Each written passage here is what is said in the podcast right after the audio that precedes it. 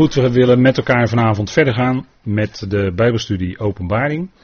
En dat doen wij uh, aan het. Uh, en we starten vanavond aan het eind van hoofdstuk 11 en het eerste stukje van hoofdstuk 12. En dat is toch wel uh, bijzonder dat we precies op dit moment, het is vandaag, wat is het vandaag, 27 september, op dat punt van Openbaring 12 terecht zijn gekomen. Omdat het zeer recent, zoals u weet, 23 september was een bepaalde datum waarop uh, heel veel uh, gespeculeerd werd, om het zo maar te zeggen. Uh, met name in allerlei YouTube-filmpjes, zoals dat dan heet. En daardoor hadden heel wat gelovigen een bepaalde verwachting van die datum. De datum is inmiddels voorbij gegaan. En uh, rondom die datum was met name een bepaald sterrenbeeld van Maagd en de draak en een constellatie van de zon.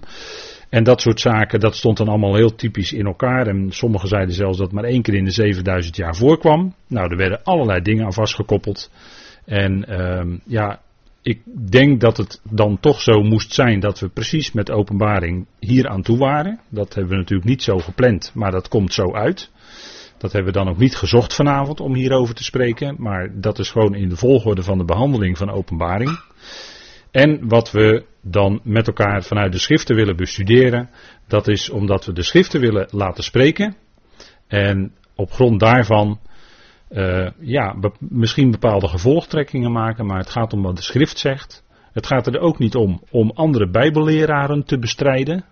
Daar ben ik ook vanavond niet mee bezig. Daar ben ik nooit mee bezig. Uh, ik wil altijd alleen aan u laten horen wat de schrift zegt, want u moet mij niet geloven, u moet geloven wat de schrift zegt. Dat is het punt, hè? En het gaat er ook niet om om te zeggen van, ja, maar die en die zegt dat, en die en die zegt dat. Daar gaat het helemaal niet om.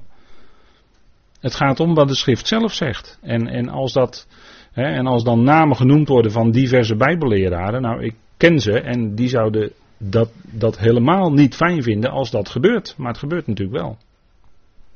En dat is vanavond ook helemaal niet aan de orde. We willen vanavond gewoon Openbaring 12 bespreken, het eerste gedeelte.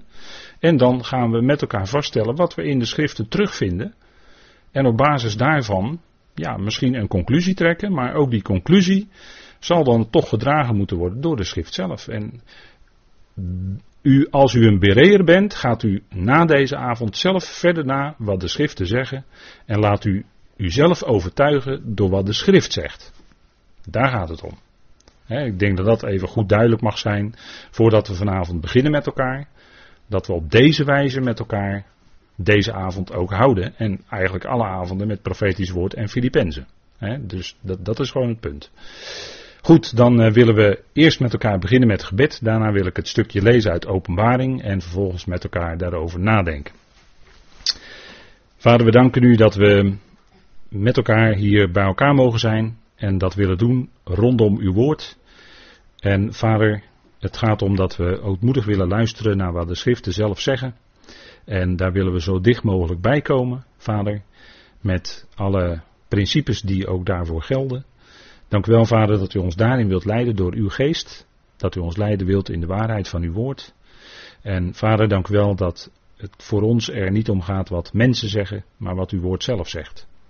Dank u wel, Vader, dat we zo met elkaar vanavond ook bezig willen zijn.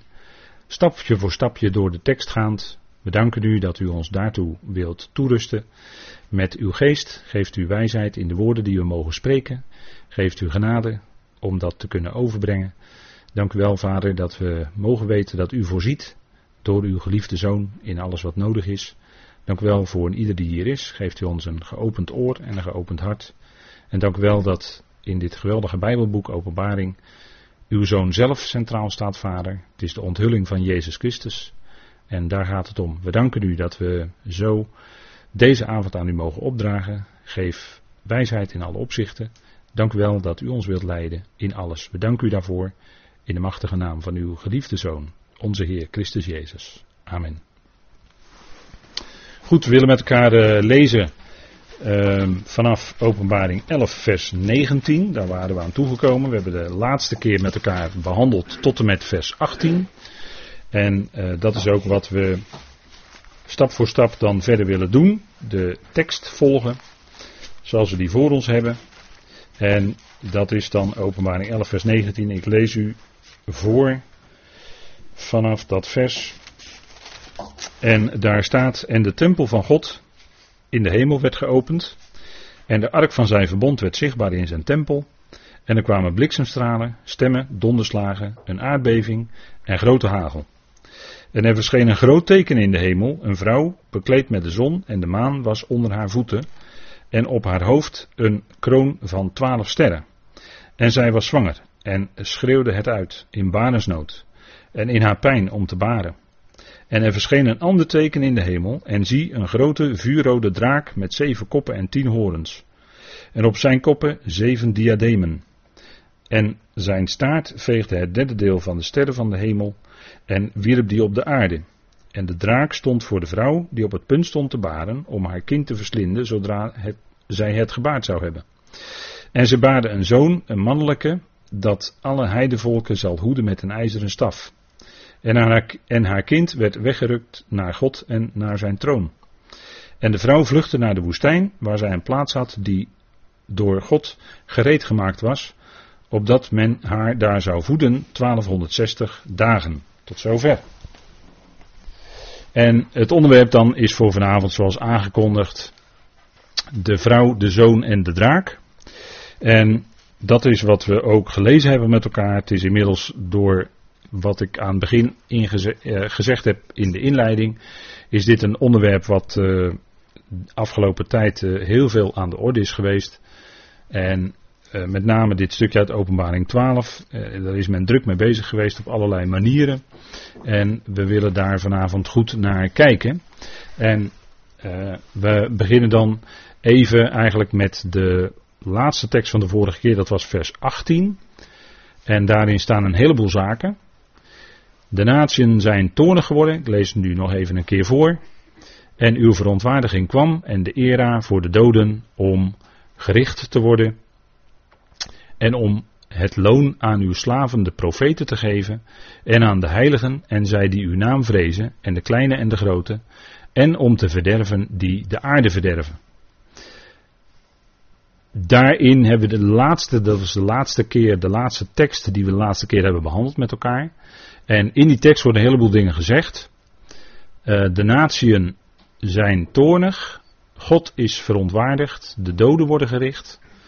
Het loon is er voor de profeten. Het loon voor de heiligen. Het loon voor die uw naam vrezen. Te verderven wie de aarde verderven. Dat wordt allemaal gezegd in het 18e vers. En dat is eigenlijk een samenvatting van wat in openbaring hoofdstuk 12 tot en met 20 is terug te vinden. Dus het ziet ook een beetje vooruit. En uh, dat is denk ik, al die aspecten die zullen we wel uh, gaan zien in de komende avonden als we met elkaar bezig zijn hierover. En ik denk dat het goed is om dat nog even in uw herinnering terug te halen, voor zover u dat niet had gedaan. En um, misschien is het goed om op te merken dat we ook over dit onderwerp al een keer gesproken hebben in de Bijbelstudie Daniel. U kunt dat terugvinden op de website. En dat zal waarschijnlijk Daniel nummer 9 of nummer 10 zijn geweest. En het staat er op die, bij die studie ook aangegeven. Uh, de studie gaat dan specifiek voor een behoorlijk deel die avond ging over die mannelijke zoon. En als u dat, u kunt dat ter ondersteuning ook nog eens een keer naluisteren. Um, en daar is ook iets over gezegd, en dat is ook in verband met vanavond misschien toch wel goed om nog een keer even in uw herinnering te brengen. Uh, over dit punt is ook nog iets gezegd in de Bijbelstudie gemeente, uh, vrouw, lichaam, bruid.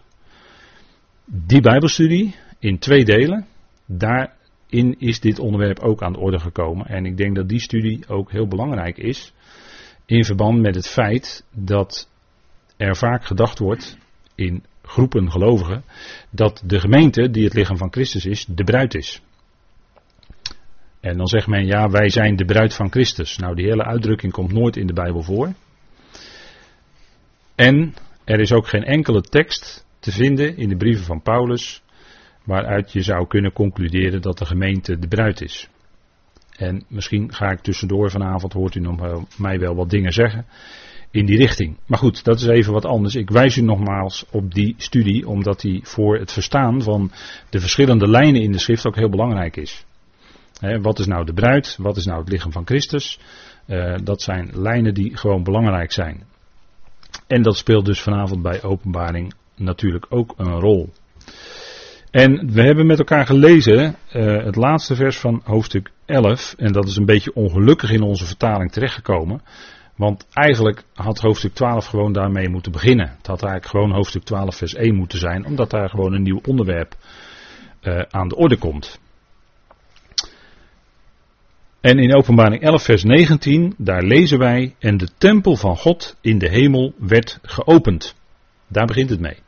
En dat is een belangrijk punt, want hier begint eigenlijk, met die opmerking, begint eigenlijk het zogenaamde tempelgedeelte van de openbaring. Dat hebben we in het verleden ook wel vaker met elkaar vastgesteld.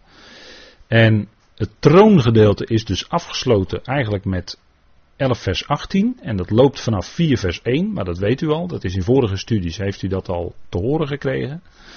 En hier begint het tempelgedeelte en dan gaat het om de religieuze of godsdienstige bevrijding van de aarde. En het tempelgedeelte dat loopt dan vanaf hoofdstuk 11 vers 19 tot en met 20 vers 15. En dat is denk ik ook goed om met elkaar vast te stellen. Uh, op de dia-presentatie staat het ook zo vermeld. Hè, betreffende dia, die, die kunt u later gewoon erbij pakken. Of die kunt u erbij nemen terwijl u luistert. En in hoofdstuk 11, vers 19, daar doen we eigenlijk een stapje terug in de tijd, om het zo maar te zeggen. Het troongedeelte werd afgesloten bij Openbaring 11, vers 18. En dat eindigt eigenlijk met de vaststelling, hè, dat hebben we met elkaar gezien, hoofdstuk 11, vers 15, dat Christus regeert. Daar wordt geroepen, hij is gekomen en hij is, de, hè, hij is die is en die was. En hij is er dan en hij is de koning van de koningen en de heren van de heren.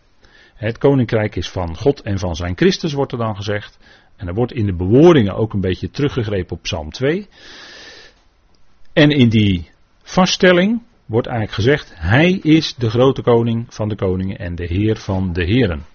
Nou, dat is denk ik wat we met elkaar uh, daar vastgesteld hebben gezien.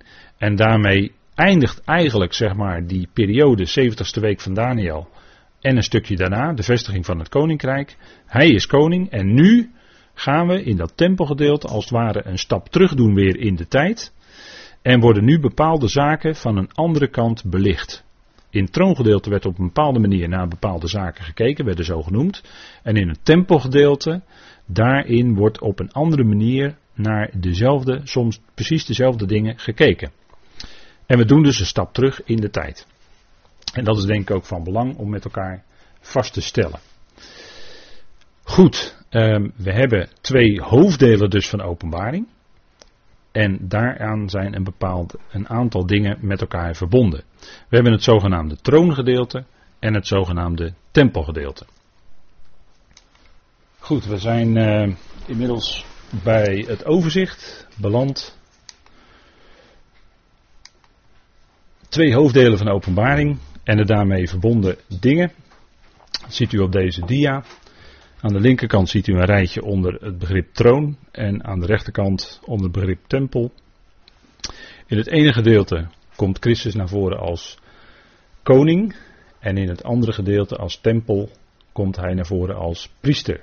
Hij is de grote koning, de grote priester, naar de ordening van Melchizedek.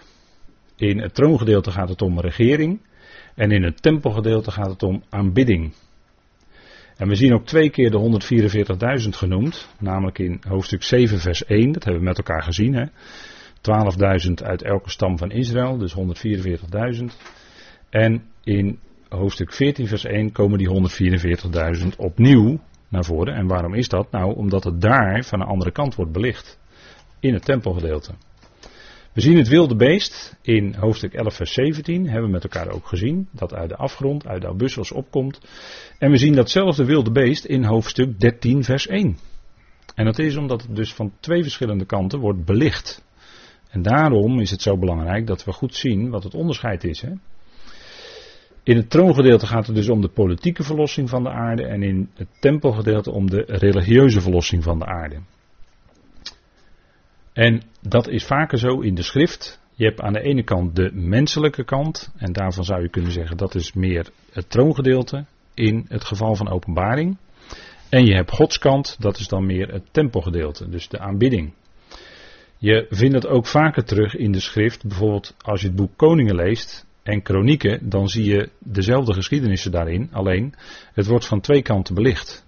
De ene keer vanuit het meer het regeeraspect en de andere keer wordt het geestelijke aspect erbij genoemd. Hè. Denk bijvoorbeeld aan de dorsvloer van Arauna. Hè, dat, eh, terwijl ik dit zeg, moet ik daaraan denken. In, uh, dat komt zowel in Koningen als in Kronieken voor, hè, die geschiedenis van David. Nou, dat heeft zo zijn achtergronden en daarvan is dit een verklaring. En het volk Israël, dat kent ook twee aspecten natuurlijk. Zij zijn bedoeld als koningen, zij zullen met Christus regeren. En Israël is ook priestervolk. Zij zijn een koninklijk priesterschap of een priesterlijk koninkrijk. het is maar net hoe je het zeggen wil, maar die beide aspecten die zit bij Israël erin. dat wordt zo genoemd in de schrift. Zullen we vanavond ook uitgebreid zien. Israël zowel als koning als als priesters. En dat priesterschap dat is eigenlijk in de duizend jaar. En dat koningschap dat strekt dan nog verder door naar de nieuwe aarde. Maar op de nieuwe aarde is er geen priesterschap meer nodig, want dan, is de, dan woont God zelf te midden van de mensen, staat er dan. En dan is er ook geen tempel meer nodig en dus ook geen priesterschap meer. Maar dan regeert het lam nog steeds. En Israël regeert ook samen met het lam over de volkeren, ook op de nieuwe aarde. Dus dat even voor, uw, uh, voor alle duidelijkheid. Hè? Dan zien wij in hoofdstuk 11, vers 19, bij die opmerking dus dat de tempel werd geopend. Hè, dus wordt heel nadrukkelijk gezegd de tempel. Wordt heel, heel nadrukkelijk gesproken over de tempel en die wordt geopend. En we hebben in het verleden al met elkaar gezien dat het heel belangrijk is als er zaken in openbaring geopend worden. Dat zagen we ook aan het begin van het vierde hoofdstuk. Daar werd ook een deur naar de hemel toe geopend. En dat was heel belangrijk. En zo zijn al die momenten dat er iets open gaat in de openbaring heel belangrijk om goed in acht te nemen. We zien in het tempelgedeelte uh, twee verschillende gedeelten. Dat is weer onderverdeeld dus in twee delen. Namelijk het stuk van 11 vers 19 tot 15 vers 5. En we zien in 11 vers 19 dat de ark van Gods verbond in beeld is als aanduiding dat in het vervolg het trouwe Israël, dus het gelovige Israël, het trouwe Israël, wat trouw blijft aan Yahweh en aan zijn woord, dat dat verlost wordt. En in 15 vers 5, laten we dat maar even met elkaar opzoeken, dan kunt u dat zelf gelijk lezen. In 15 vers 5, daar wordt ook de tempel geopend, maar een ander aspect. Daar wordt iets anders genoemd. En dan staat er, en daarna zag ik en zie, de tempel van de tent van de getuigenis in de hemel werd geopend. Dus hier wordt aan de ene keer, de, in 11 vers 19 is de nadruk dus op de ark van het verbond.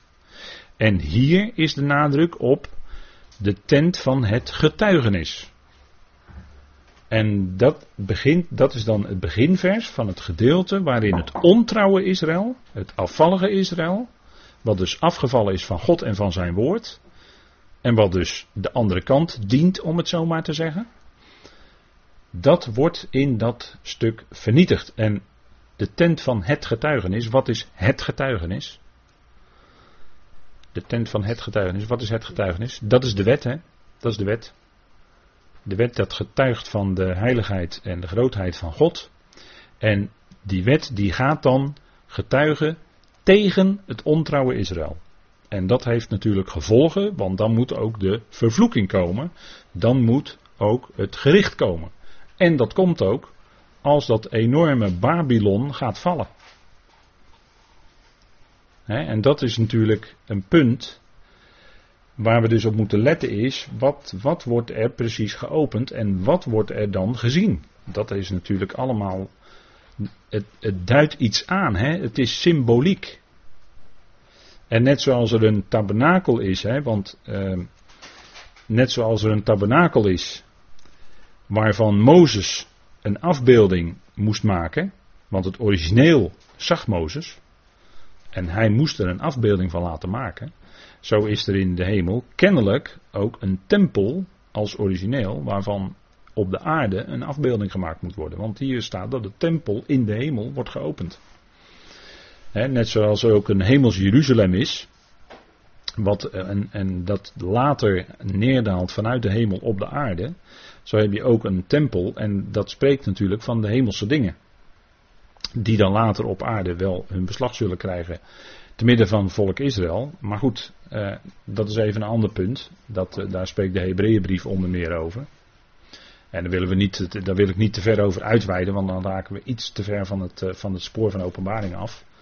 Maar het is maar even om het aan te geven, hè, omdat er staat de tempel van de tent van het getuigenis werd geopend in de hemel. En dan is getuigenis, de wet, is namelijk, zoals het ook in Colossense wordt genoemd, het handschrift dat tegen ons getuigde. Weet u wel? Colossense 2, vers 12, 13, 14, die kant op. Hè?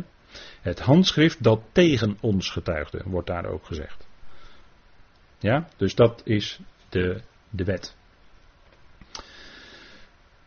Dus deze dingen die komen dus in dit tempelgedeelte. En dan gaat het dus echt om de religieuze verlossing van de aarde.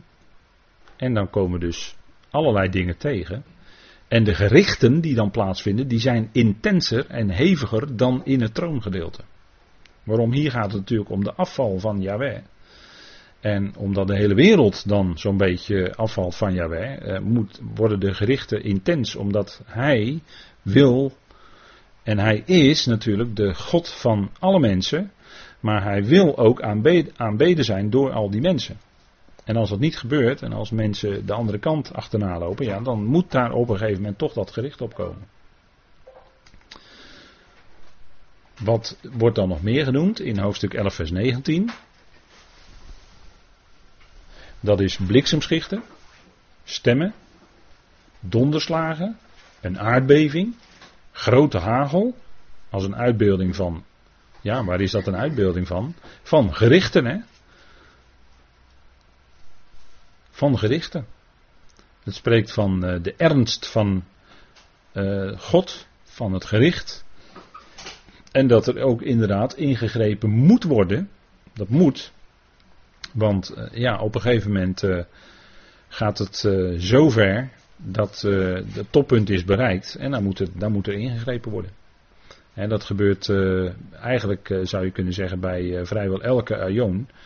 Die uh, eindigt in een gericht. Hè. De eerste eon eindigt in een groot watergericht. Hè. Daar lezen we de uitwerking van in Genesis 1 vers 2. De tweede eon eindigde ook met een watergericht. Hè. Dus uh, Noach, hè, uh, ook veel water. Wat minder water dan in Genesis 1 vers 2 hoor. Maar goed, ook veel water.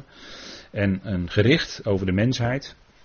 Dan de derde aion, daar zitten we nu bijna aan het einde van. Die eindigt ook in een gericht. En dat is dan een vuurgericht. Hè? Daar, daar is sprake van veel vuur en dergelijke. En dan hebben we de, het einde van de vierde aion. Dat is het na de duizend jaar. Dat eindigt ook in een heel groot vuurgericht. Nog veel meer vuur dan, we, dan de wereld binnenkort gaat zien. Maar het einde van de vierde aion is een, is een alomvattend vuurgericht. Net zoals het einde van de eerste aion een alomvattend watergericht was. Staat tegenover elkaar, hè? dat weet u wel, hè? natuurlijk al die dingen. Maar ik memoreer het nog maar even. Hè. Petrus zegt het ook hè, in 2 Petrus die. Dat de aarde en de hemelen worden ten vure bewaard. Maar die zullen vergaan door vuur. En dat zal dan daarna een geweldige nieuwe schepping opleveren. De nieuwe schepping. Waar wij in Christus al deel van uitmaken. Hè, dat als gelovigen. Dat is natuurlijk geweldig. Dat we, eigenlijk zijn wij geestelijk al geplaatst in die nieuwe schepping. In Christus. Zijn we al die nieuwe schepping. En hebben we in feite al het einde van Gods plan van eonen bereikt. Hè? De einden van de eonen zijn, uh, zijn tot ons gekomen. Hè? Zegt Paulus in 1 Korinthe 10 vers 11. Meervoud, hè? twee keer. De einden van de eonen. Dus de eonen hebben allemaal een einde. Dus het begrip aion kan nooit eindeloze eeuwigheid betekenen. Niet hoor, kan niet, niet. Kan niet, echt niet is niet hard te maken op grond van de schrift. Dat is inleg geweest. Ja, en daar hebben we vanavond ook mee te maken. Met, uh, niet alleen met de slang, maar zelfs met een enorme draak. Hè. Die komt vanavond ook nog naar voren. Dus daar uh, lopen we dan natuurlijk weer tegenaan. want dat is, uh, u weet toch wel dat dat de vader van de leugen is? En u weet toch wel dat tegenwoordig alles wat je ziet niets is wat het lijkt? Over leugen gesproken. Um, misschien heeft u nog wel geleerd op school dat er een ijstijd zou komen. Kan u zich dat nog herinneren? Ik heb er wel over gehoord destijds. Een ijstijd. En, uh, toen kwam, en, in 1969 kwam het rapport van de Club van Rome, weet u wel. En uh, toen begon de, die hele geschiedenis over de zogenaamde opwarming van de aarde. En dat de poolkappen gaan smelten en zo en dat soort dingen. Weet je wel? Maar dat, dat, hele verhaal van die opwarming van de aarde was niet zo lang na dat hele verhaal dat er een ijstijd zou komen. Dus u begrijpt dan natuurlijk wel wat er aan de hand is. Hè? En toen werd er ineens gesproken over zure regen. Kan u zich dat nog herinneren? Zure regen. Daar hebben we ook al een tijd niks meer van gehoord, hè? Nee. En uh, ja, onlangs was er nog in Frankrijk een groot uh, congres over uh, klimaatverandering. En als je er goed bij nadenkt, klimaat verandert altijd. Klimaat is nooit hetzelfde, het verandert altijd. En dan denken we dat we met z'n allen de wereldwijde temperatuur eh, misschien een graad omlaag kunnen krijgen. Ja, dacht u dat nou echt? Dacht u dat nou echt, dat door de invloed van de mens de temperatuur 1 graad of hoger, dat we die met z'n allen 1 graad hoger of lager konden krijgen? Dacht u dat nou echt? En dat is ook alweer een tijdje terug, hè. Gaten in de ozonlaag, weet u wel. Daar moesten we ons ook met z'n allen ineens zorgen over gaan maken. Nou, er zitten altijd gaten in de ozonlaag hoor, dat is altijd al zo geweest. Dat komt helemaal niet door de beïnvloed van de mens. Of door CO2-uitstoot. Weet u als een vulkaanuitbarsting is, hoeveel CO2 er dan uitgestoten wordt? Nou, dat kunnen wij met al onze autootjes in Nederland bij lange na in 100 jaar niet uitstoten hoor. Ja, goed, ik ga maar weer stoppen, want anders dan blijf ik maar doorgaan over die dingen. Maar daarmee wil ik zeggen, kijk, die vader van de leugen, die wil graag dat de mensen de leugen geloven. En die waarheid niet erkennen. Want kijk, die, aarde waar wij op zitten met z'n allen, die moet nog duizend jaar mee. Alle klimaatconferenties ten spijt hoor, maar die moet gewoon nog duizend jaar mee en daar zal de Heer zelf wel voor zorgen. He? Zou hij die zomer en winter en dag en nacht en alles gemaakt heeft en de zon en de maan en de sterren, zou hij zelf niet in staat zijn om die hele aarde nog duizend jaar in stand te laten? waar halen we de hoogmoed vandaan, joh, als mensen? Om, om te kunnen bepalen of wij zelf die temperatuur 1 graad hoger of lager. Of, of uh, we moeten onze dijken verhogen, want ja, de Noordpool die smelt wel heel hard nu. En dan gaat de waterspiegel uh, misschien een centimetertje per jaar of, of per tien jaar stijgen. Nou, dat, dat gaat dan heel snel natuurlijk. Nou, kijk, al dat soort dingen, daar zijn we allemaal heel druk mee bezig. En dat is nou precies wat de tegenstander wil. Die houdt je dan een grote worst voor de neus en uh, daar moet je dan maar achteraan lopen met z'n allen. En, en, iedereen loopt dan de ene keer is, wordt het koud en de andere keer wordt het, wordt het warm. En dan uh, moeten we ons zorgen maken dat de zon over een miljard jaar het misschien niet meer doet. Ja mensen, dat, dat zijn natuurlijk dingen, dat, dat is de vader van de leugen. Dat is gewoon de vader van de leugen. En elke keer kom je erop uit dat Gods woord geeft je gewoon antwoord. En als je Gods woord volgt, dan blijf je gewoon een nuchter mens. Dan weet je gewoon, die aarde moet gewoon al duizend jaar mee. Dus wat maken we ons dan zorgen? Zouden we ons dan zorgen maken als we een God mogen kennen die veel en veel, veel groter is dan onze superkleine hersenpannetjes en wij denken al dat we heel wat zijn? Kom nou toch. Kom nou toch. Alsjeblieft zeg. Wat een hoogmoed waanzin. Het is gewoon, mensen leven gewoon in de waan. Ze worden in de waan gebracht. En het is de waan van de dag. Wat ik, wat ik nu even opsom hè, in de loop van de jaren. Het is gewoon de waan van de dag. En daar rollen we met z'n allen achteraan. Nuchter blijf je als je dicht bij Gods woord blijft en dat gewoon volgt. Dan laat je niet, je hoofd niet op hol brengen door allerlei dit of allerlei dat. Of dan is dit, dit, ja ik ga bijna over andere dingen beginnen, maar laat ik daar maar helemaal niet meer over beginnen. We gaan gewoon terug naar de tekst, dat is veel beter. En er werd een groot teken in de hemel gezien. En dat, woord, dat is het eerste keer dat in het boek Openbaring het woord teken voorkomt. Dat is in het Grieks het woord semeion. En uh, een teken, wat is nou een teken in de Bijbel? Een teken is een handeling of een omstandigheid slash situatie die een betekenis of boodschap in zich heeft. Dat is een definitie, hè. En we doen niet aan Grieks denken, want er wordt altijd gezegd Griekse denkers die houden van definities. Maar ik denk dat het goed, toch goed is om Bijbels woord, hè, een, woord uit de Bijbel te omschrijven eh, qua betekenis. Dan wordt het wat duidelijker voor je. Want elke keer als je dan leest in de Bijbel over dat er een bepaald teken plaatsvond, heeft u daar een idee bij. Hè? Dit is belangrijk. Dit is een bepaald teken. Dit is een bepaalde omstandigheid of uh, handeling die een specifieke boodschap in zich heeft. Dus dan moet je opletten als Bijbellezer. Hé, hey, wat is er nu aan de hand? Dit gebeurt, dit is een teken. De Heer Jezus deed tekenen, en dat wordt vooral in het boek Johannes zo genoemd. En het eerste teken wat hij deed was op een bruiloft in Cana, want in die tijd hadden ze nog bruiloften. Was er een bruiloft in Cana en uh, daar veranderde de Heer water in wijn. En dat was een enorm teken. Waarvan was dat nou een teken? Dat was natuurlijk een beeld van de komende duizend jaar, waarin, waarin die bruiloft zal plaatsvinden tussen de Heer en Israël. En want de Heer gaat opnieuw met Israël in het huwelijk treden. De eerste keer was toen hij ze uitvoerde uit Leiden uit eh, het land Egypte, zoals we dat lezen in Exodus. Dat was het oude verbond. Maar ik zeg al het woord oud, dat betekent dus dat er ook een nieuw verbond komt. Hè? En als dat nieuwe verbond door de Heer inge, ingeluid wordt, dat, dan gaat hij opnieuw met, met dat volk gaat hij in het huwelijk treden. Dat is de duizend jaar, dat is die bruiloft in Cana. Daar is dat een type van. En tekenen, die zijn ook niet zozeer verbonden met het politieke, ja, dat is een moeilijke zin. Tekenen zijn niet zozeer verbonden met het politieke aspect van de koninkrijksverkondiging. Als je leest over dat het koninkrijk, dat de Heer als koning zijn koninkrijk gaat oprichten, dan wordt het niet zozeer gesproken over tekenen. Dat vindt, is wel zo als het gaat om het godsdienstige aspect. Vandaar dat je in Matthäus, Marcus, Lucas nauwelijks tekenen vindt. Moet u maar gaat u het maar na.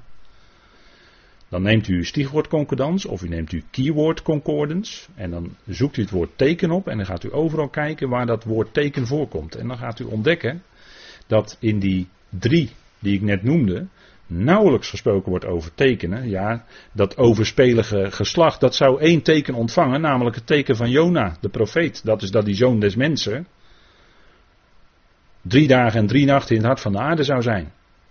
En uh, ja, dan gaat het weer over tijdrekening. Drie dagen en drie nachten. Dat is ook dan al heel moeilijk hè, als het gaat om de opstanding van Christus. En wanneer dat dan precies is, weet u wel. Elk jaar na Pasen toe heb je dan weer die discussie. Hè, of die nou op de 16e of de 17e Nissan is opgestaan. Dan krijg je die discussie weer, hè, elk jaar. Je kan er gewoon op wachten. Maar ik vind het helemaal niet zo belangrijk hoor. Ik geloof op grond van de schrift dat het de 16e Nissan was. Maar goed, hij is opgestaan. Hij is opgewekt uit de dood. Daar gaat het om. Dat is belangrijk. en, en dat is wat we met elkaar vaststellen. En dat gebeurde op de derde dag. In de derde dag. Vroeg in de ochtend. Toen stond hij op. En dat was een geweldig teken ook hoor. Maar dat teken van die zoon mensen, dat is het enige teken wat genoemd wordt eigenlijk in Matthäus, Marcus, Lucas. Matthäus 12 hè. Daar gaat het over dat, dat boze en overspelig geslacht verlangt een teken. De Joden willen tekenen zien van de Messias. En dan zeggen jullie krijgen niet eh, alleen maar het teken van Jona de profeet. dus dus uh, Jona, je vindt geen enkele uitgesproken profetie in het boek Jona. Nee, het leven van Jona zelf was profetisch. Daarom wordt hij toch profeet genoemd. En in het troongedeelte van de openbaring vind je ook geen tekenen dan vind je het woord teken ook niet terug. Nou, hier gaat het om. dit, dit, dit is even goed om met elkaar vast te stellen aan de hand van het feit dat er staat in Openbaring 12, vers 1: Er werd een groot teken in de hemel gezien. Eerste keer dat het woord teken wordt gebruikt in hele openbaring. En je vindt het in het boek Johannes vaak terug. Ik noemde u nou net het teken van de bruiloft in Cana. Dat de Heer daar een teken deed door water in wijn te veranderen. Dat deed de Heer. Hè? De Heer deed geen water bij de wijn. En dat willen we ook niet doen. Maar hij veranderde water in wijn. En de beste wijn had dus die meester had hij voor het laatst bewaard. Hè? Nou, dat is wat hij doet. En dat is natuurlijk prachtig, een prachtige uitspraak hè, van wat in, in een gelovige ook plaatsvindt. Hè, dat water van het woord van God wordt tot vreugde in je. Als je gaat beseffen wat het betekent. En zo wordt water in ons veranderd in wijn. Hè. Woord van God geeft vreugde in ons hart, geeft vreugde in ons leven. Want het spreekt van Hem die komen zou. En die ons verlost heeft, die onze Heer is. En die ons binnenkort ook gaat verlossen van deze aarde. Maar goed, tempelgedeelte van openbaring, daarin zie je dus regelmatig dat begrip teken terugkomen. We zien dus in openbaring 12 vers 1 het woord teken. En wat is dat? Dat is een vrouw bekleed met de zon en de maan onder haar voeten en op haar hoofd een krans van twaalf sterren. En het is dan jammer, zei ik al aan het begin van die hoofdstukindeling, dat dit 12 vers 1 is. Eigenlijk had 11 vers 19 12 vers 1 moeten zijn. Dan was het, al, dan was het gelijk een stukje duidelijker ook al geweest. Maar ja, bij die hoofdstukindeling, dat is soms uh, helaas, soms heel goed en soms uh, heel ongelukkig, in dit geval ook. Want in 11 vers 19 wordt gesproken over de ark van zijn verbond. Hé, hey, hier wordt gesproken over verbond. De Brit, hè, de diatheke, in het Hebreeuws en in het Grieks. Een verbond werd gesloten, vandaar diatheke, hè, door plaatsing. Dat wil zeggen, bij Abraham zie je dat. Hè, er werden dieren geslacht en er werden aan twee kanten. En dan ging de Heer samen met Abraham er doorheen. En die sloot dat verbond met Abraham. Dat wil zeggen, net zo zeker hè, mogen ons overkomen wat met die dieren gebeurd is als wij ons niet houden aan dit verbond. Vandaar het Griekse woord. Verbond sluiting met Israël was op de Sinaï. Als er gesproken wordt over verbonden, dan heeft dat in de regel te maken met Israël. In de regel niet altijd, maar in de regel wel. Vanuit het verbond met Abraham werd ook een specifiek verbond gesloten met het volk Israël. En als u de schrift kent, de Tenach een beetje kent, dan is de, een vrouw is een uitbeelding van Israël. En als het gaat om een verbond, dan houdt dat dus in ook trouw. Hè? Verbondstrouw. En wat wij hier zien is dus een combinatie 11 vers 19 de ark van zijn verbond. En in 12 vers 1 wordt er gezien een vrouw bekleed met de zon, de maan onder haar voeten en op haar hoofd een krans van 12 sterren. Wat is nou die vrouw? Wat stelt die vrouw voor? Want het is een teken. Zelfs een groot teken. Nou, die vrouw stelt voor het trouwe Israël. Het Israël wat zich houdt aan het verbond, wat zich houdt aan het woord. Wat God gesproken heeft. En die verbondsluiting, dat was Exodus, waarin de Heer zijn volk uitleidde uit Egypte. En zo wordt er later in de profeten ook op teruggekeken. Dat dat een huwelijkssluiting was zo, dat is uh, toch soms een beetje onbekend nog. Maar de Heer sloot een huwelijksverbond met zijn volk Israël. En daarom kan Israël ook genoemd worden de vrouw van Yahweh. En dat is wat ik zelf voor het eerst hoorde tijdens mijn Bijbelschooltijd. En dan praat ik over de periode 1980 tot 83. Toen was daar een weekend en het ging over dat onderwerp. En toen werden mijn ogen heel erg geopend voor het feit dat Israël de vrouw van Yahweh is. Fazal en vrouw van Yahweh, dat was toen het onderwerp. Er is ook later een brochure over verschenen door het betreffende Bijbelleraar. En dat de gemeente het lichaam van Christus is en niet de bruid. En dat heb ik toen heel goed doorgekregen. Op grond van de schrift. Want het werd gewoon glashelder vanuit de schrift werd het aangetoond dat het zo is. En sindsdien heb ik nooit aanleiding gevonden om daar op van die gedachte te veranderen. Want dat is als u het mij vraagt, en dat laat de schrift zien. Um, bijvoorbeeld, uh, Exodus kennen we, Exodus 15, het lied van Mozes. Maar laten we even kijken hoe erop teruggekeken wordt in Jeremia 2, vers 2. En Jeremia is een ernstig boek, zoals u weet, met veel ernstige uitspraken van de Heer over het gedrag van zijn volk. Want het volk, zoals u weet, heeft dat verbond verbroken. En daarom moest er ook een nieuw verbond komen. Zij, het volk, overtrad, om het zo maar te zeggen, in de loop van de tijd nogal hevig het eerste. Gij zult de Heere uw God alleen liefhebben en gij zult geen andere goden voor mijn aangezicht hebben. Nou, dat hebben ze overtreden hoor, massaal. Zowel de twee stammen als de tien stammen. Het is één grote treurige geschiedenis. En die worden later ook uitgebeeld in de profetieën door twee ontrouwe vrouwen.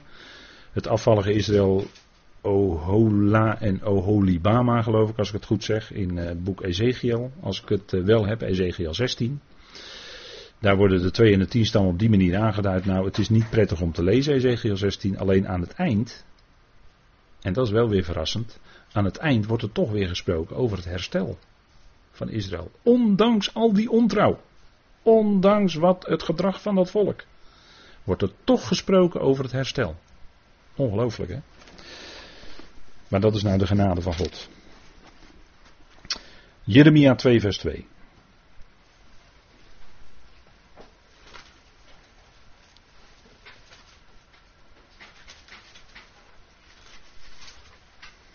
En we beginnen even te lezen vanaf vers 1. Het woord van de Heer kwam tot mij, Jeremia 2 vers 1, ga ten aanhoren van Jeruzalem prediken, zo zegt Yahweh. Ik denk aan u, aan de genegenheid van uw jeugd, aan de liefde van uw bruidsdagen. Toen u achter mij aanging in de woestijn, in een land waarin niet werd gezaaid. Israël was heilig voor de Heer, de eersteling van zijn opbrengst.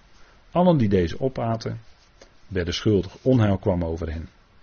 Dus hier in vers 2 spreekt de Heer over het feit dat zij in de woestijn kwamen. En dat noemt hij hier de liefde van de bruidsdagen. Toen u, Israël, daar bedoelt hij natuurlijk zijn volk mee.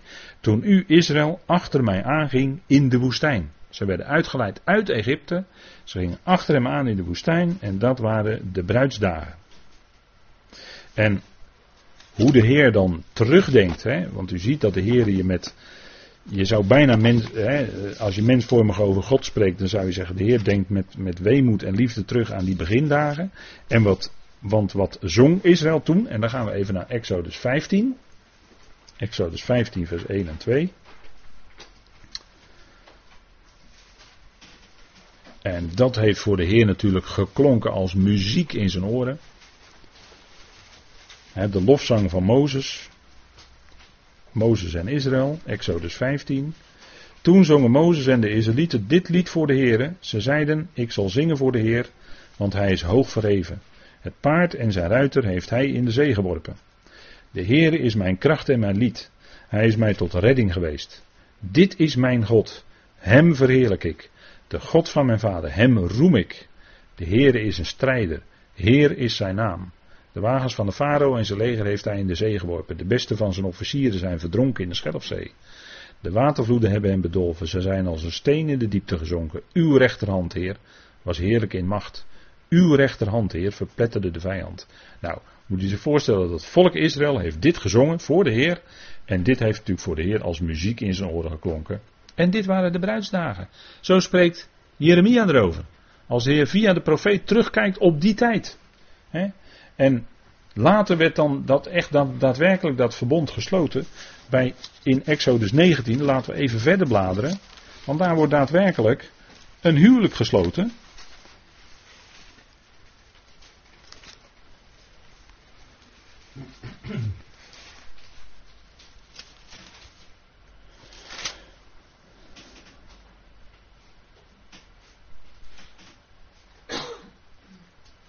En dan heeft Mozes dan al die woorden van de Heer overgebracht. Die later ook uh, kunt teruglezen in uh, Exodus 20. En dan staat er in uh, Exodus 19, vers 8. Toen antwoordde heel het volk gezamenlijk en zei: Alles wat de Heer gesproken heeft, zullen wij doen. En Mozes bracht de woorden van het volk weer terug over aan de Heer. Met andere woorden, het volk zei ja tegen de Heer. Dat was gewoon een huwelijkssluiting. De Heer hield hun de huwelijkse voorwaarden voor, om het zo maar te zeggen, het verbond voor. En het volk zei ja. Mozes vroeg eigenlijk wat is daarop uw antwoord. En het volk zei ja. En op dat moment was het huwelijk tussen de Heer en Israël gesloten. Het verbond. En Israël heeft zich vervolgens niet gehouden aan dat verbond. Hè. Ze hebben dat verbond verbroken. En dat lezen wij in Jeremia 11 bijvoorbeeld, hè, maar er zijn vele andere plaatsen aan te wijzen waarin het staat. Jeremia 11, laat maar even kijken. En dat is dan het grote verdriet van de Heer over zijn volk Israël.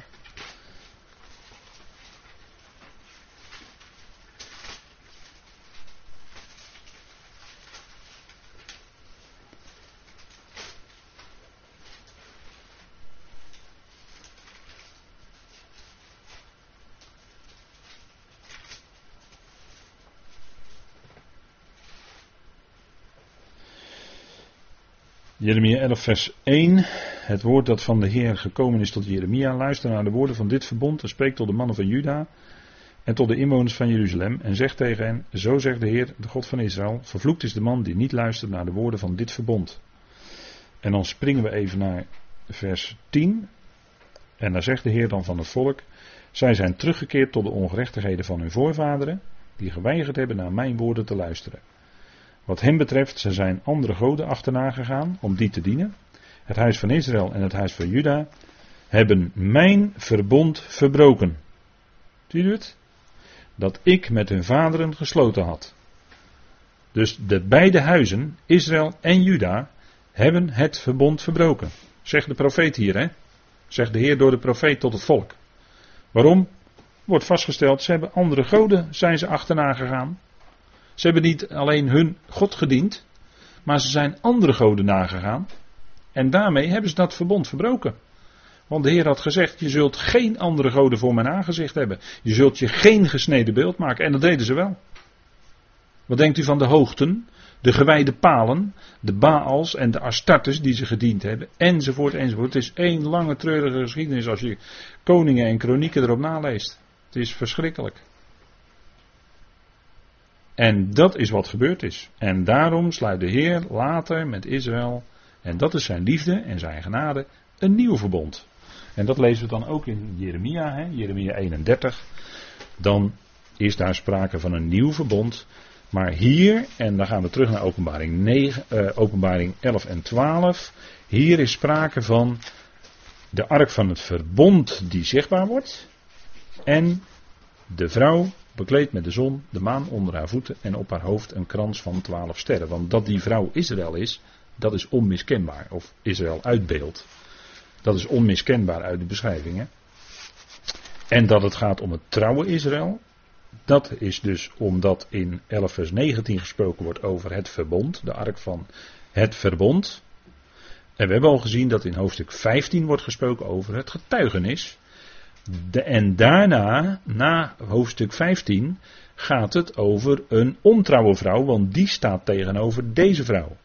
En die ontrouwe vrouw, die lezen wij in Openbaring 17.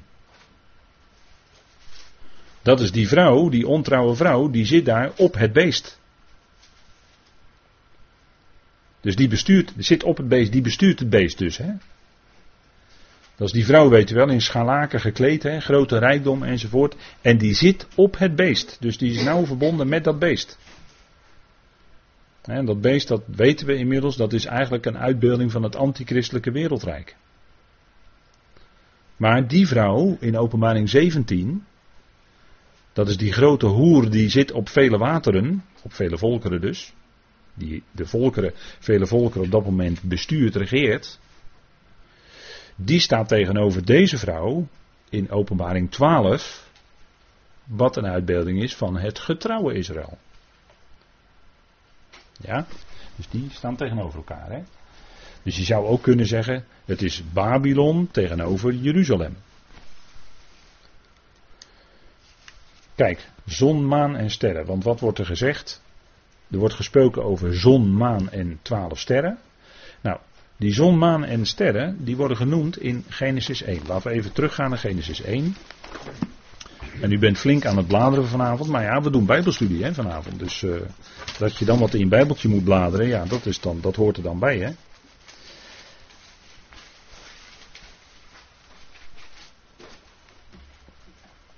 Genesis 1, vers 14. En God zei, laten er lichten zijn aan het hemelgewelf. Om, ja eigenlijk staat er het uitspansel, en staat in het Hebreeuws rakia.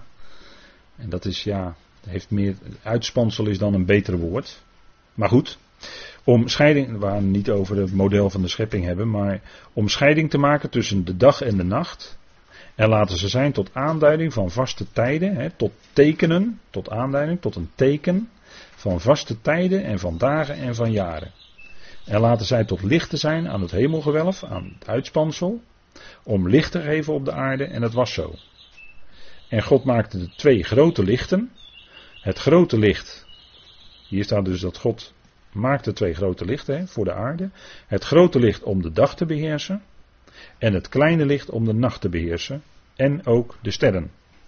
En God plaatste ze aan het hemelgewelf of aan het uitspansel om licht te geven op de aarde, om de dag en de nacht te beheersen en om scheiding te maken tussen licht en duisternis. En God zag dat het goed was. En toen was het avond geweest en het was morgen geweest, de vierde dag. Hè. Dit gebeurde allemaal op de vierde dag. Nou, die lichtdragers die zijn tot tekenen, wordt er gezegd, tot verdeling tussen dag en nacht. Het grote licht is natuurlijk de zon, die regeert de dag. En het kleine licht, dat is een afschijnsel zeg maar ervan, is de maan en die regeert de nacht. Die zijn tot tekenen gesteld. Nou, die hebben uh, van alles te maken hier met dat beeld wat in openbaring, of dat teken wat in openbaring te zien is. En we zien dan dat dit nog een keer voorkomt, en dan wordt het al wat sterker richting, veel sterker richting Israël, in Genesis 37. U weet het wel, Jozef die droomt. En meestal is het zo dat als iemand Jozef in de Bijbel heet, dat hij droomt. Ja. En bij Jozef in Genesis, moet u maar eens opletten, is er heel veel dubbel. Hij droomt twee keer. Hij droomt over die schoven, die dan voor die ene schoof zich bogen. Ja, en zijn vader en zijn moeder en zijn broers hadden gelijk wel door hoe dat dan zat. Hè? Want Jozef was uh, dan degene voor wie dan die andere schoven moesten buigen. Hè? Dat was natuurlijk het beeld. En dan ging het over zon, maan en elf sterren. En die bogen voor die ene ster. Dus ziet u twee dromen. Hè? Dus dubbel bij Jozef. En dat duidelijk wordt dat Jozef degene is die dan uiteindelijk de gene was voor wie zij zouden buigen. En dat was natuurlijk in zijn leven profetisch. Hè? Want hij kwam natuurlijk eh, eigenlijk twee keer in een, in, in een vorm van gevangenschap. Eerst door toedoen van zijn broers en dan werd uh, in de put gegooid. Hè? Een vorm van gevangenschap. Was volkomen ten onrechte werd hij in die put gegooid. En dan later kwam hij in Egypte volkomen ten onrechte weer in de gevangenis, in gevangenschap. Weer volkomen ten onrechte. Dus ook twee keer hè, in gevangenschap. En toen kwam die uiteindelijk toch op de troon van Egypte, praktisch gesproken, hè? onder de farao. En toen kwamen die, en u kent de geschiedenis, en toen ging precies die dromen van Jozef gingen precies exact in vervulling. En er waren nog meer die droomden, de schenker en de bakker, dat waren ook twee dromen, weet u wel. En toen de farao, die ging ook nog twee keer dromen. Dus er gaat nogal wat dubbel hè, bij Jozef. Maar goed, dat is even een terloopse opmerking hoor. Daar gaan we misschien een andere keer nog wel eens wat dieper op in. Maar toch deze droom van Jozef. En hij heeft natuurlijk te maken met Jacob, die de aartsvader is van die twaalf stammen natuurlijk. Want daar komen uiteindelijk die twaalf stammen. Komt Israël uit voort. En, en dan, heeft het, dan heeft natuurlijk wel, wel degelijk betrekking richting het volk Israël. als het aangeduid wordt met zon, maan en twaalf sterren. Ja, dan, dan gaan we toch duidelijk richting Israël denken. Hè? En dat heeft dan aansluiting met openbaring 12. want Genesis en openbaring, oeh, daar zitten zoveel lijnen in, met uh, zoveel verbindingen in. Hè? Eerste en het laatste Bijbelboek. Goed, of dat terecht is, is wat anders. Maar goed, het eerste en het laatste Bijbelboek. Jongens, jongens, daar zitten nogal wat lijnen met elkaar in verbonden hoor. wat in Genesis begint, heeft dan uiteindelijk zijn uitloper in openbaring. er zitten heel veel van die. En hier is ook zo'n lijn van die zon, maan en twaalf sterren. En wat speelt dat een rol bij dat beeld, dat grote teken van die vrouw? En wat zien we dan? Als het gaat om de zon, hè, als het gaat om de zon die gaat schijnen, dan zien we dat die zon, want er wordt gezegd van die vrouw, dat is, die is met de zon bekleed. En eigenlijk, als je het snel wil kortsluiten, zou je kunnen zeggen, is met Christus bekleed. Want waar gaat het over in openbaring? Ik zal proberen zo kort mogelijk dat lijntje voor u uit te leggen. Uh, waar gaat het over in openbaring? Het gaat over dat Johannes, weet u nog, openbaring 1 vers 10, die werd in de geest overgezet, niet op zondag, maar in de dag des Heren. En de dag des Heren is die profetische dag, die al in zoveel profetieën in Tanach is aangekondigd. En als dan in openbaring 1 vers 10 gesproken wordt over de dag van de Heer, of de aan de Heer toebehorende dag, als je het heel letterlijk wil vertalen uit het Grieks, maar dat is een aanduiding van de dag des Heren, die profetische dag. En Johannes werd in de geest op Patmos overgezet in die dag. Dat gebeurt in het boek Openbaring. Hè? Nou, wie is nu degene die in de dag des Heren zal regeren? Dat is natuurlijk Christus, dat is de Messias. En die wordt genoemd, en ik heb hier de tekstverwijzing bijgezet, Malachi 4 vers 2. Laten we even met elkaar opzoeken. Malachi, dat betekent mijn boodschapper. Hè? Malachi. En dan gaat het natuurlijk om de grote boodschapper van God. En dat is natuurlijk de Heer zelf. Malachi 4 vers 2. En er wordt ook gesproken over de dag van de Heer. Staat in 4 vers 1. Hè? Malachi 4 vers 1. Malachi is het laatste boek van het Oude Testament. Hè? Als u dat op school geleerd heeft, dan uh, weet u dat het eindigt met Zacharia Malachi. En dan weet je dat je aan het eind van het rijtje bent en of je het helemaal goed hebt opgezegd. Want zie, de dag komt, brandend als een oven. Nou, wat is die dag? Dat is de dag des Heren. Die dag komt, brandend als oven. Dan zullen alle hoogmoedigen en allen die het lijkt net of ik in Jezaja 2 lees. Dan zullen alle hoogmoedigen en allen die goddeloosheid doen, stoppels worden. Alles wat hoog is, zal dan vernederd worden. Dat we zeggen, die hoogmoed van de mens, ja, dat gaat, er, dat gaat eraan hoor. Dat gaat zo ontzettend eraan straks. Die hoogmoed van al die mensen op de wereld. Dat gaat zo verschrikkelijk neergehaald worden door God. Want wat, wat verbeeldt de mens wel wat hij is, zeg. Jongen, jongen, jongen. En die dag die komt, zal ze in vlam zetten, zegt de Heer Zebaot, de Heer van de legermachten die van hen wortel nog tak zal overlaten. Dat is dus heel grondig, hè? Wortel nog tak. Dan heb je de wortels echt uit je tuin gehaald hoor. Soms moet je heel lang sjorren voordat je die wortels eruit hebt, dat is wel zo. Maar dan heb je ze er ook uit, hè? dan is het weg. Maar voor jullie die mijn naam vrezen, zal de zon van de gerechtigheid opgaan. En onder zijn vleugels zal genezing zijn prachtige aanduiding van de Messias. Hè? De zon van de gerechtigheid. Dat is hij, dat is de Heer Jezus Christus. Hij heeft dan de mogelijkheid van God gekregen en alle vrijheid om dan zijn koninkrijk op te richten. De zon van de gerechtigheid zal opgaan. Hè, dus de zon zal, het zal echt zomer worden. Hè, dat, je weet als de zomer nabij is dat die vijgenboom gaat uitbotten, weet u wel. Vijgenbomen zagen we ook in Griekenland kort geleden. En heel veel olijfbomen ook in Griekenland. Prachtig. En onder zijn vleugels zal genezing zijn. Mooi hè? Onder zijn vleugels zal genezing zijn. Wat is dat geweldig hè? Dat Israël zal genezing vinden onder zijn vleugels. En zo zullen de volkeren dat ook vinden. Onder de Messias. Die als de ware herder dan zal gaan regeren. Geweldig hè? En u zult naar buiten gaan en dartelen. Als kalveren uit de stal.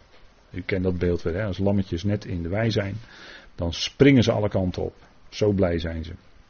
Nou, zo zullen de volkeren ook zijn. De zon van de gerechtigheid. Wie is dat? Nou, dat kan niet anders zijn dan de Heer Jezus Christus. En deze vrouw die is hier bekleed met de zon. Dus eigenlijk bekleed met de Messias. Als teken van het verbond, van de trouw.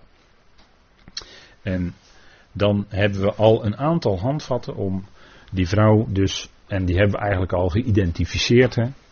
En zij heeft dan de maan onder haar voeten. En voordat we daarover gaan spreken, willen we, dat willen we graag doen na de pauze.